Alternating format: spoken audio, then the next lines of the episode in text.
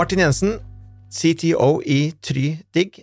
I dag skal jeg snakke med deg om Composable Commerce. Hva er egentlig dette? Eh, Composable commerce det handler om eh, sånn rent teknisk hvordan man bygger opp nettbutikker. Eh, det er en metode å, å bygge opp nettbutikker der man velger flere forskjellige spesialiserte moduler og leverandører, fremfor å kjøpe én stor plattform som skal løse alt. Hva er fordelen med å tenke på den måten?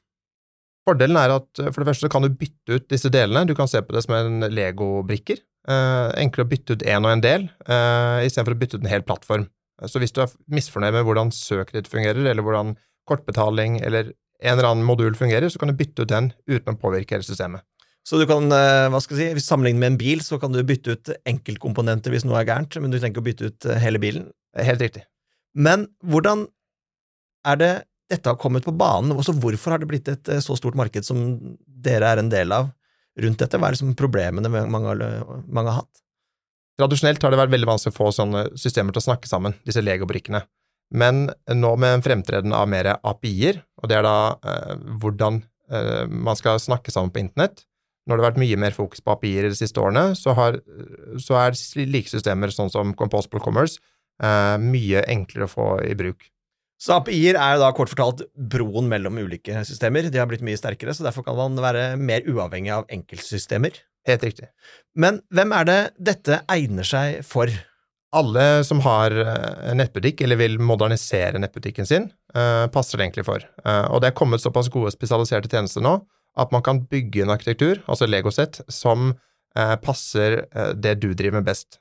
Hvis du f.eks. har en nettbutikk som har ekstremt mange produkter, så er det kanskje ekstra viktig at du putter litt ekstra penger og litt ekstra effort på søk, og da kan du plukke da den søketjenesten som er best i verden på akkurat det, framfor å, å gå for en uh, hel plattform som kanskje har et eh, middelmådig søketjeneste.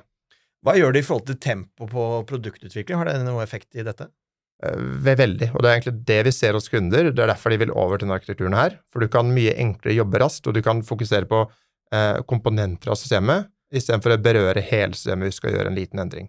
Så hvis konkurrenten din har en monotelistisk eh, struktur og system, mens du har en eh, composable commerce-tankegang, så vil du raskere kunne gå fra idé, konsept, til at det er ute på markedet. Ja, helt riktig. Jeg, jeg pleier å se på det som at dersom du har et stort skip, det er veldig vanskelig å snu retning på det skipet, men hvis du har mange små skip, mye enklere at alle sammen snur seg i riktig vei. Men hvilke kunder er det dere har flest av innenfor dette området, og hvor opplever dere mye interesse? Det er generelt kunder som har, har drevet med netthandel noen år, som har disse plattformene fra før av, som ser at det går treigt å få ut nye endringer, det går treigt å møte markedstrender, og, og, og, det går generelt Det er vanskelig å få endring, da. Og, og da har, har, vi gått inn i f.eks. Hos, hos Ark og, modernisert hele plattformen deres, og gått over til da for Commerce, og vi ser en endring både internt eh, på produktivitet, å kunne lansere ting kjemperaskt istedenfor nå å lansere ting en gang i måneden. Så kan du gjøre det flere ganger om dagen. Tusen takk, Martin. Hvis du kan oppsummere i noen setninger på hva er Composable Commerce, hva vil du si da?